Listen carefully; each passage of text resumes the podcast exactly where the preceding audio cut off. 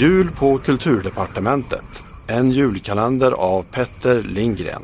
Avsnitt 5. Den levande julkalendern. Prick klockan 14 knuffade jag och Sune upp fönsterluckorna till kontoret med utsikt mot Drottninggatan. Det var den 5 december och kulturministerns tur att vara med i den levande julkalendern. En mångårig tradition i vår snöiga och koaktigt snälla lilla stad.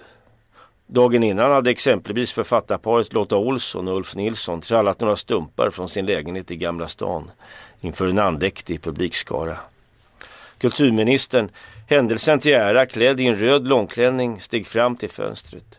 Huden på hennes axlar knottrade sig i kylan som strömmade in i rummet. Pappret i hennes hand hade svårt att hålla sig stilla.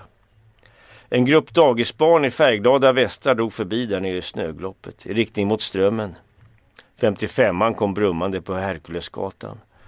När motorljudet lagt sig framträdde ett annat ljud, metalliskt och ödsligt, skallande mellan husväggarna.